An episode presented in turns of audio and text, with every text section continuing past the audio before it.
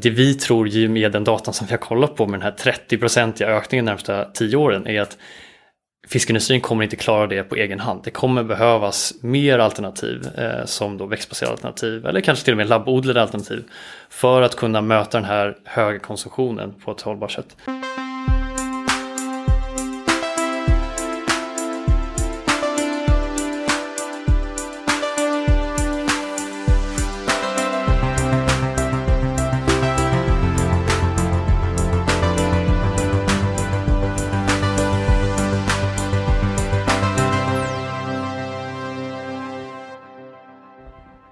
Hej och välkommen tillbaka till Heja Framtiden. Jag heter Christian von Essen. Jag eh, håller på att grotta ner mig ordentligt i det som vi kallar för matsystemet. Bland annat genom ett magasin som heter Framtidens hållbara matsystem. Som även nu har blivit sajt eh, på framtidenshallbara.se. Där samlar vi alla artiklar därifrån. Jag har gjort två nummer hittills. Eh, eller tvåan går ut med eh, Dagens Industri 14 april. En av de eh, aktörer som är med och sponsrar oss med eh, annonsering både i magasinet och i podden är Hälsans kök. Ett av eh, Sveriges och världens kanske absolut äldsta vegetariska varumärken. Det började med grundaren Erik Strid som drev hälsokostbutiken Hälsan på Drottninggatan i Stockholm under 60-talet. Och då började han tillverka djupfryst växtbaserad mat i köket och därmed då Hälsans kök. Idag ägs Hälsans kök av Nestlé som eh, är världens största livsmedelsföretag och eh, som jobbar mot net zero utsläpp eh, globalt senast 2050. Men just Hälsans kök ska bli koldioxidneutralt redan under 2022 har man sagt. Både genom reduktion av växthusgaser och med kompenserande åtgärder. Och sen fortsätter arbetet mot netto noll utsläpp utan kompensation. Och det gör man bland annat genom att eh, se över förpackningar så att de är återvinningsbara, ta bort plast, byter ut påsar så att det blir mer eh, återvinningsbart och så vidare. Och gör tunnare förpackningar som behöver mindre material och plast. Produkten är av soja, vilket du också kommer in på senare i det här avsnittet med högt. Hälsans kök går över allt mer till europeisk soja med ambitionen att enbart använda europeisk soja 2023.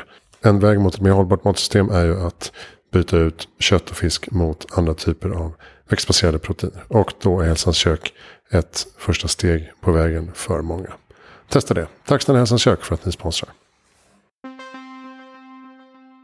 Vi drar igång här i framtiden. Jag är Christian von Essen. Jag är idag på The Park på, i Vasastan, Stockholm. Eh, vad heter det? Hälsingegatan 49. Jag känner inte till att det fanns faktiskt. Det finns på Söder också. Trevligt coworking-ställe. Jag sitter här med Tom Johansson, vd och medgrundare på ett företag som heter Hukt. Välkommen till podden. Tack så jättemycket.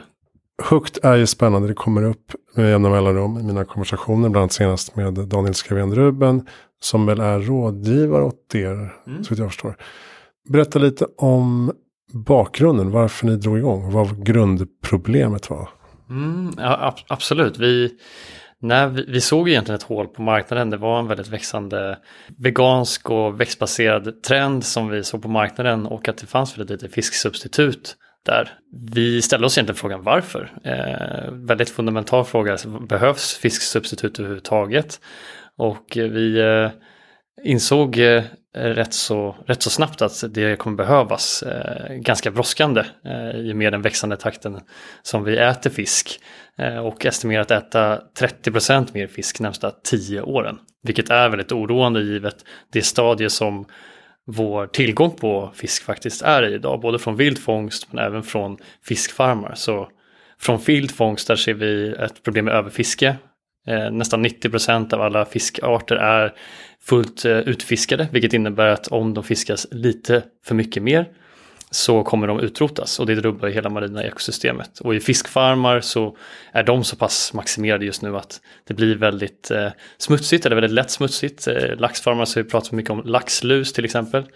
Eh, som behöver då bekämpningsmedel för att hållas rena och det här skadar ju också eh, haven. Eh, och att öka då konsumtionen ytterligare 30 procent skulle inte vara liksom hållbart för, för planeten. Och samtidigt så ser vi ju kvicksilver, mikroplaster som kommer mer in i våra hav mer i vår seafood och i våra kroppar. Så, eh, med de liksom insikterna så säga, men vi kommer verkligen behöva ett fisksubstitut. Eh, och vi tror att det, liksom det mest hållbara där är ett en fiskprodukt baserad helt på växter är liksom svaret för att vi ska kunna fortsätta äta fisk i den omsträckning vi gör på ett mer hållbart sätt så att planeten och våra hav överlever helt enkelt.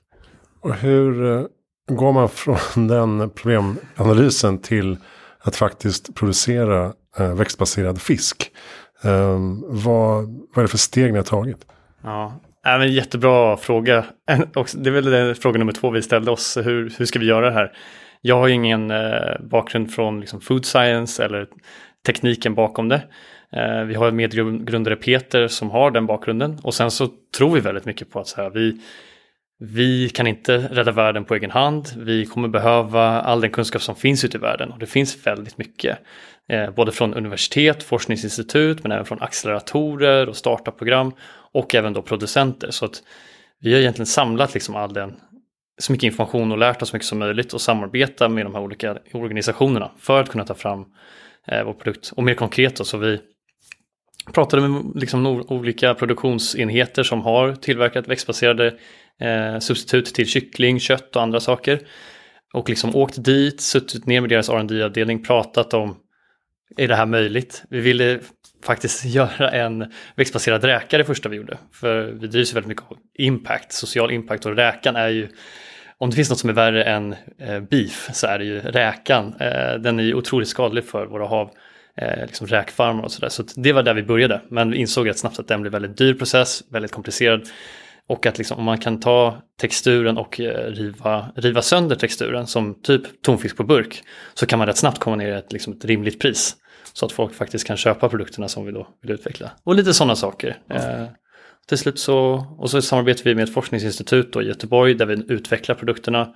Där har de massa kompetens från både liksom extrudering, eh, smakutvärdering, kvalitetstester, mikrobiologi. Och liksom allt det tillsammans har, gjort, har möjliggjort att vi faktiskt nu äntligen lanserar vår första produkt efter, efter två års tid. Just det. Eh, det är lite olika sätt att jobba på. Jag skulle till Nocco Foods här efteråt egentligen. Mm. Där har de investerat i liksom egen, eller de har hyrt in sig på ett labb, men de investerar väldigt mycket i egen forskning och utveckling. Mm. Och ni gör tvärtom, då, alltså outsourcar och kan fokusera på det affärsmässiga. Mm. Kan man säga så?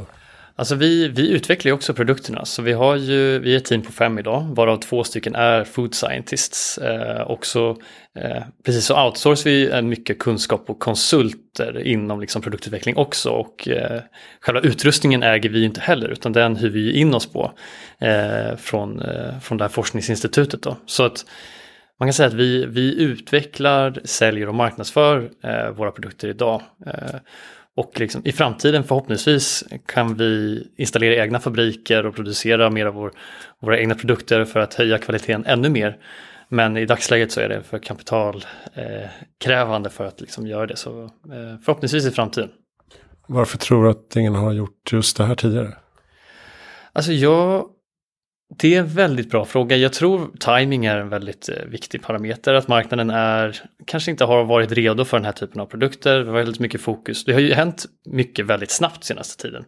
Eh, det är svårt att tänka sig att eh, ja, men för fem, sju år sedan att liksom Eh, Oatly var inte något som alla känner till och liksom dricka mjölk är svenskt och det är näringsrikt och något som nästan alla gör.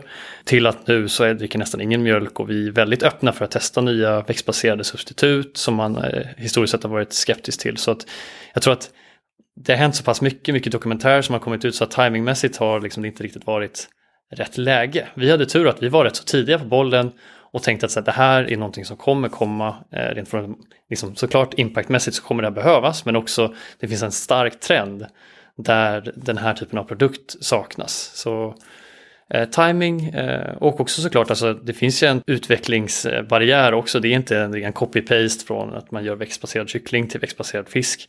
Det finns absolut likheter men eh, eh det, det kräver ju en ny typ av eh, nytt typ av tänk. Eh, vi använder också oss av eh, High Moisture Extrusion som det heter, en typ av extruderingsmetod som inte finns på så många produktionsenheter. Eh, forskningsinstitut som vi jobbar med, där är liksom det är en av de ledande eh, instituten inom just den här tekniken som vi använder oss av för att få till texturen. Så att, alltså det, det är timingmässigt på många sätt, liksom, både marknad och liksom kompetens och produktion och så. Mm. Men är det sojabaserat eh, hittills? Ja, det är soja och eh, veteprotein eh, som, ser det då, so som liksom proteininnehållet kommer ifrån. Sen har vi solrosolja och eh, eh, alger som ger själva smaken eh, på, på produkterna, på tonfiskprodukterna. nu. Och är det, är det först och främst eh, tonfisk, vegansk tonfisk på burk då, som ni gör nu? Kommer det även eh, utvecklas filéprodukter och sånt? Ja, vi, alltså vi utvecklar ju just nu en eh, växtbaserad lax också eh, som vi förhoppningsvis kommer lansera under slutet av 2021. Eh, vi har liksom lovande prototyper men det tar också tid att sätta igång en stor, liksom, storskalig produktion av, eh, av produkterna när det kommer till filéstrukturer, det är ju lite samma tillbaka till det här med, jag pratade om det här med räkan, att det var väldigt eh, en utmanande process. På samma sätt är det ju att ta fram en filéstruktur, att lägga de fibrerna som en filé, eh, antingen rå eller liksom stekt tonfiskfilé eller laxfilé. Det är väldigt utmanande. Det är därför som vi eh, går liksom mot det här spåret, mer liksom sönderrivet, eh, som man liksom kan lägga ut i sallader, wraps och sådär, eh, istället för att komma ner i ett pris så att folk faktiskt kan köpa det. För om det är ett pris som är alldeles för högt så och ingen kommer köpa det eh, så blir det ju, gör vi inget impact i slutändan utan vi gör bara en liten häftig produkt som säljs mm. i en väldigt nischad marknad. Så att vi vill ju gå nog brett. Men kanske i framtiden, vem eh, vet. Just nu, är, just nu fokuserar vi liksom på de här produkten, första produkterna som behövs för den stora massan. Så får vi se mm. längre fram. Jag kan tänka mig att många som jobbar med växtbaserade kött och fisksubstitut man kanske först och främst eh, hamnar hos de som redan är veganer och vill ha något annat. Men, men, men målsättningen är väl förstås att få vanliga köttätare och fiskätare att testa något nytt och därmed liksom skala upp ordentligt. Mm. Ja men exakt, vår, vår målgrupp är helt och hållet liksom flexitarianen eh, veganer och vegetarianer de äter redan väldigt hållbart så att ge dem ett substitut istället för att de skulle äta linser, kikärtor och liknande. Det är egentligen sämre för miljön. Så att eh, det är framförallt personer som äter fisk idag som eh, kanske har, liksom, känner att ja, men det kanske vore bra att äta lite mer hållbart och liksom börjar fundera på att bli flexitarian eller äta växtbaserat någon gång i veckan. Att sänka barriären för dem att testa produkter. Alltså jag, jag själv är verkligen en sån konsument. Nu har jag varit vegetarian ett, ett tag men äh, åt väldigt mycket fisk när jag var ung och tycker fortfarande fisk är väldigt gott. Så att om man kan liksom ge den upplevelsen fortfarande fast en mer hållbart alternativ. Det är ju Eh, det är ju drömmen. Eh, mm. Om vi kan fortsätta äta all vår goda mat men på ett mer hållbart sätt. Så att det är den konsumenten som vi är ute efter. Precis. Jag tänker att en stor utmaning är eh, hyllplacering och hur butikerna behandlar det här. Ah, Om det handlar i en undanskymd veganhylla så kommer inte fiskätarna gå dit kanske. Ja. Men om den ligger bredvid vanliga tonfisken på burk så kanske man vågar testa. Ja. Ser ni någon öppning där? Ja, det där är jätteintressant fråga och du har helt rätt. Alltså om den står liksom precis i bland den vanliga fisken då når man ju de som vanligtvis handlar fisk som går till den hyllan. Mm. Alltså det är ju så otroligt många, det är tusentals artiklar i en butik och man spenderar i princip ja, mellan fem och tio minuter i en, liksom en, en vanlig butik. Vilket innebär några få sekunder per hylla så att förvänta sig att de som äter fisk ska gå liksom och utforska veggohyllan efter fisksubstitut, den är rätt så liten. Det är väldigt bra insikt. Sen så har vi, vi har ju tyvärr inte en eh, rumstempererad produkt nu, alltså en tonfisk på liksom, konservburk. Det är ju kyld produkt. Okay. Eh, så den kommer hamna i den kylda hyllan. Och eh, ja, vi får jobba så mycket som möjligt liksom, med vår marknadsföring och man kan ju lyfta produkten på andra sätt än bara i hyllan utan även utanför hyllan med material eller displayer och liknande. Så att vi får ju försöka utbilda konsumenten så bra som möjligt. Eh, men ja, du har helt rätt, man ska försöka gå efter att vara placerad så nära produkten man ersätter som möjligt. Mm. Kanske att man ska, precis som med så här, hållbarhetsbegreppet, att man ska strunta i det och köra ut det, köra ut det veganska överallt så att säga, i butiken. Mm. Ehm, men hur har den funkat i tester och så här och smakmässigt? Vad, vad har ni fått för reaktioner? Eh, men väldigt eh, positiv. Såklart nu är jag ju biased men eh, de kunder som vi har provat produkten med och investerare som vi har provat produkten med har ju tyckt att den smakar väldigt gott. Och det är något som har varit vårt absoluta fokus. Och du frågade lite om soja här i början. Soja är ju en omtalad, liksom, ett omtalat protein eh, där man har pratat mycket om ja, skogsskövling och liknande. Där man gärna direkt vill liksom bryta den eh, den teorin med att 86 liksom, procent av all skogsskövling från sojabönor kommer ju från djurfoder. Mm. Så att det är där som problemet ligger. Men eh, det är ändå en omtalad, eh, omtalad just växtbaserad ingrediens som liksom, om marknaden tycker inte vill äta soja då spelar det nästan ingen roll vad som är bra eller inte bra. För att om de inte köper produkten så, så är det ett problem.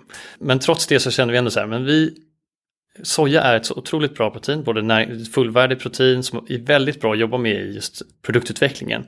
Väldigt lite bismak, väldigt lätt att få en bra struktur, eh, textur. Eh, och vi valde att gå det spåret just för att nej, men det här, nu får vi den absolut bästa smaken och texturen och det kommer vara det viktigaste eh, till en början. Sen får vi jobba därifrån och se kan vi göra vår produkt ännu, eh, ännu mer hållbar och fortfarande smaka väldigt bra eller kanske smaka ännu bättre till ett ännu lägre pris. Man får, liksom, man får börja någonstans. Eh, så att smaken har varit en hög prioritet för oss, eh, liksom, kort sagt. Så att eh, man får ju smaka själv nu i restaurangerna och göra sin egna bedömning men än så länge så har vi fått väldigt positiva reaktioner. Vad tycker fiskgänget om det här? Tycker de att ni är fjantiga? Fiskgänget? det är liksom sushi-restauranger och sånt där? Nej, jag vet inte. Fiskindustrin. Ja, just det. Okej, okay, ja. Nej, men, eh, nej, men de tycker inte vi är så fjantiga. De, de ser ju lite samma trender. Vi har varit i kontakt med några, några stycken och där de liksom ja, vi utforskar lite, liksom, lite samarbeten men ingenting som vi har liksom gått, eh, gått in i nu då. Så att jag tror att de ser exakt samma sak. Och att det är bara en tidsfråga tills faktiskt fisk också tar det här steget till att bli mer växtbaserat, eh, precis som kött och kyckling har, har gjort senaste tiden. Men sen handlar det ju om, alltså, det handlar om att utbilda konsumenterna. konsumenter om det finns jättemycket bra ansträngningar inom industrin för att göra det mer hållbart. Eh, det vi tror med den datan som vi har kollat på med den här 30-procentiga ökningen de närmsta tio åren är att fiskindustrin kommer inte klara det på egen hand. Det kommer behövas mer alternativ eh, som då växtbaserade alternativ eller kanske till och med labbodlade alternativ för att kunna möta den här höga konsumtionen på ett hållbart sätt. Eh, jag tror absolut att eh, liksom fiskindustrin eller fisket och fiskfarmar kommer förmodligen ha en roll i liksom vår hur vi, eh, alltså den näring som vi får i oss under närmsta framtiden. Eh, men just nu så överfiskar vi. Vi överkonsumerar fisk för mycket vilket gör att haven är nästan on the brink of going eh, extincted. Liksom. Och det, då, är det, då är det ett problem för om inte haven överlever då har vi väldigt eh, då har vi ett, har vi större problem att mm. tänka på. Nej, så finns det exempel, nu kommer jag på just kött och charkuteribolag som faktiskt startar växtbaserade serier. Eh, mm. som Piece of Heaven är ju en produkt av eh, Härryda Karlsson charkuteriprodukter. Mm. Mm. Där de inser att eh, här finns det en spännande marknadspotential och så gör vi ett dotterbolag och sidobrand. Liksom. Mm. Så det kan väl eh, kanske snarare så att de tittar på att köpa upp er så småningom. Ja, hur, hur, ser, hur ser, har ni någon så här femårsplan för hur ni ska skala upp det här? Ja, men alltså tillväxt ligger absolut i vår, i vår plan. Vi vill göra så brett impact som möjligt eh, och det innebär ju att vi kan inte bara sälja i Stockholm eller ens i Sverige eller Norden. Vi vill gärna komma ut brett med våra produkter. Så eh, närmsta fem åren så planerar vi att etablera en stark, eh, bli kategoriledande inom växtbaserad seafood i Europa. Så liksom ha en sån stadig position och då handlar det om att nu närmsta året kommer vi rulla ut i Sverige Eh, restaurang framförallt, förhoppningsvis också dagligvaruhandeln snart. Eh, och sen då, eh, då resa mer pengar för att kunna expandera rätt så snabbt till de stora marknaderna som Tyskland, UK, Frankrike, Italien. För att det, då behöver vi göra eh, impact på riktigt. Eh, så det är ju ja, målet nästa fem åren, absolut. Att få den positionen. Mm. Du nämner liksom impact som en huvudingrediens. Är det viktigt, var det viktigt för er från början att, att ha hållbarhet som, som affärskärna på något sätt? Absolut, det har vi känt. Eh, det, var ju, det, är liksom, det är problemet som vi är passionerade kring egentligen. Alltså det är just haven är någonting som är väldigt stort i både mitt, Emils och, och Peters liv. Där vi eh, har eh, vi vill lösa det här, här problemet och det har vi också känt under tidens gång. Senaste två åren har det väldigt, väldigt mycket berg och dalbana upp och ner och när det är liksom som absolut tuffast och man känner så här men är det här verkligen värt all tiden i och med den stora risken att det kanske inte ens blir någonting och vi lägger ner så mycket timmar på det här.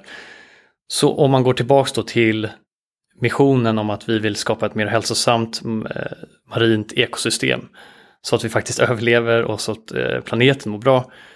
Det är då, då känner man verkligen att ja, men det spelar faktiskt ingen roll om vi går i konkurs eller om det inte går bra och vi finansiellt kanske gör en jättedålig affär.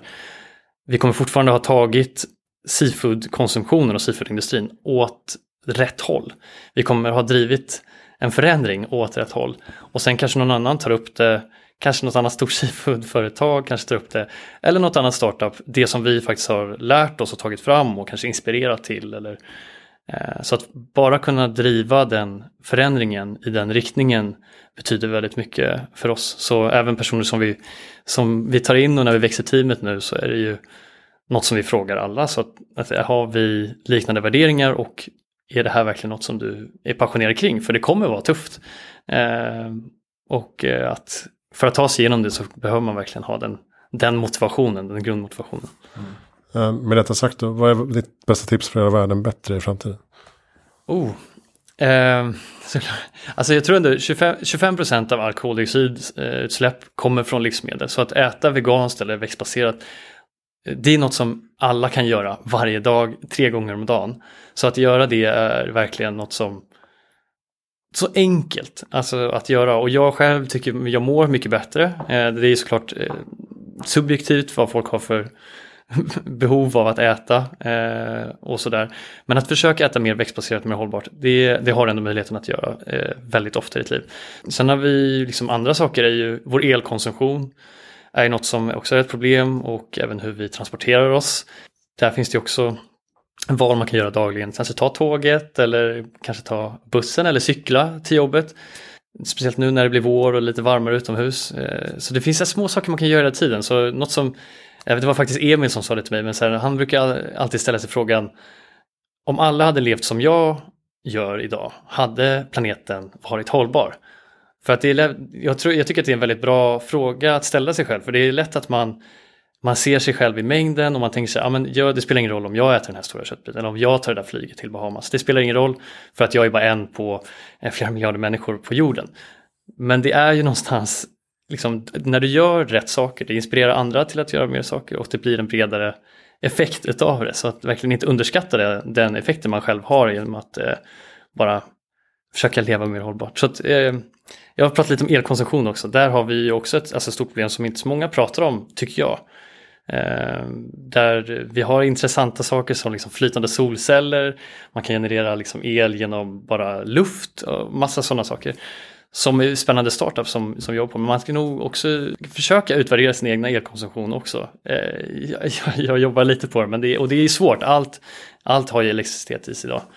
Ja, kortfattat egentligen, liksom, eh, äta växtbaserat, tänk på hur du transporterar dig. Det finns liksom alternativ och sen då se över elkonsumtionen om man verkligen behöver ha den aktiverad 100% av sin vakna tid. Mm. Bra. Har du några bra poddtips eller lästips? Den absolut bästa boken som jag läste som förändrade mitt liv väldigt mycket och eh, som vi jobbar mycket med i företaget här på Hooked eh, är en bok som heter Seven Habits of Highly Effective People. Den låter ju väldigt eh, väldigt amerikansk och liksom eh, man ska upp liksom tidigt på morgonen och göra hundra armhävningar. Men det handlar verkligen inte om det utan det handlar om ett mindset, som, alltså hur man strukturerar upp sin tid eh, och egentligen en självhjälpbok för att eh, kunna bli sitt eh, bästa jag. Så den skulle jag verkligen rekommendera. Den har gjort stor förändring för mig och även Emil och nu liksom introducerar vi den till resten av teamet så att alla liksom lever de här lever efter den, den bokens struktur. Så den, den, skulle jag verkligen rekommendera om man inte läst den. Mm, bra. Vem tycker att jag ska intervjua? Vi är ju nu just nu i en impact-accelerator med flera andra spännande startups inom just eh, hållbarhet. Det är ett företag som heter eh, Innocentia. Eh, som jag verkligen skulle rekommendera eh, att eh, prata med en av dem, dem i, i teamet där. Eh, ska se om jag kommer ihåg hans namn nu. Jag tror att det var vi träffade dem bara härom, häromdagen för första gången. Men riktigt häftigt företag, Innocens i alla fall. Det är två killar som köper det. Eh, de eh, kollar på alltså, hur man kan effektivisera bäst före-datum helt enkelt. Så de har en, en, ett, ett, eh, ett, ett, ett label som kan avgöra hur liksom, mikrobiologin i, i själva köttprodukten det är framförallt kött som de jobbar med nu i början. För att se hur mycket som eh, så, ja, hur många hållbarhetsdagar den har egentligen. Istället för att allt ska standardiseras och så allt har samma, uh, samma hållbarhet så beror det väldigt mycket på andra faktorer. Så med deras label så kan den då uppdateras och liveuppdaterar, är den här köttbiten ätbar eller inte? För att undvika då massivt med matsvinn, speciellt av köttprodukter som redan har ett stort impact eller klimatavtryck. Att det dessutom slängs är ju helt galet. Så att, eh, ja, superhäftigt företag. Mm. Bra. Um, jag ska tillägga att det här, den här intervjun är en liten del av projektet som heter Framtidens hållbara matsystem. Som håller på syr ihop nu ett magasin av uh, tillsammans med livsmedelsföretagen. Det kommer ut eh, 14 april med Dagens Industri. Uh, en massa spännande artiklar och intervjuer där. Förhoppningsvis då även med Hukt. Uh, tack snälla Tom Jansson för att jag fick komma till The Park och träffa er här. Tack, var jättekul. Um, Hejframtiden.se, det hittar allt du behöver veta. Jag heter Christian von Essen. Tack för att du lyssnade.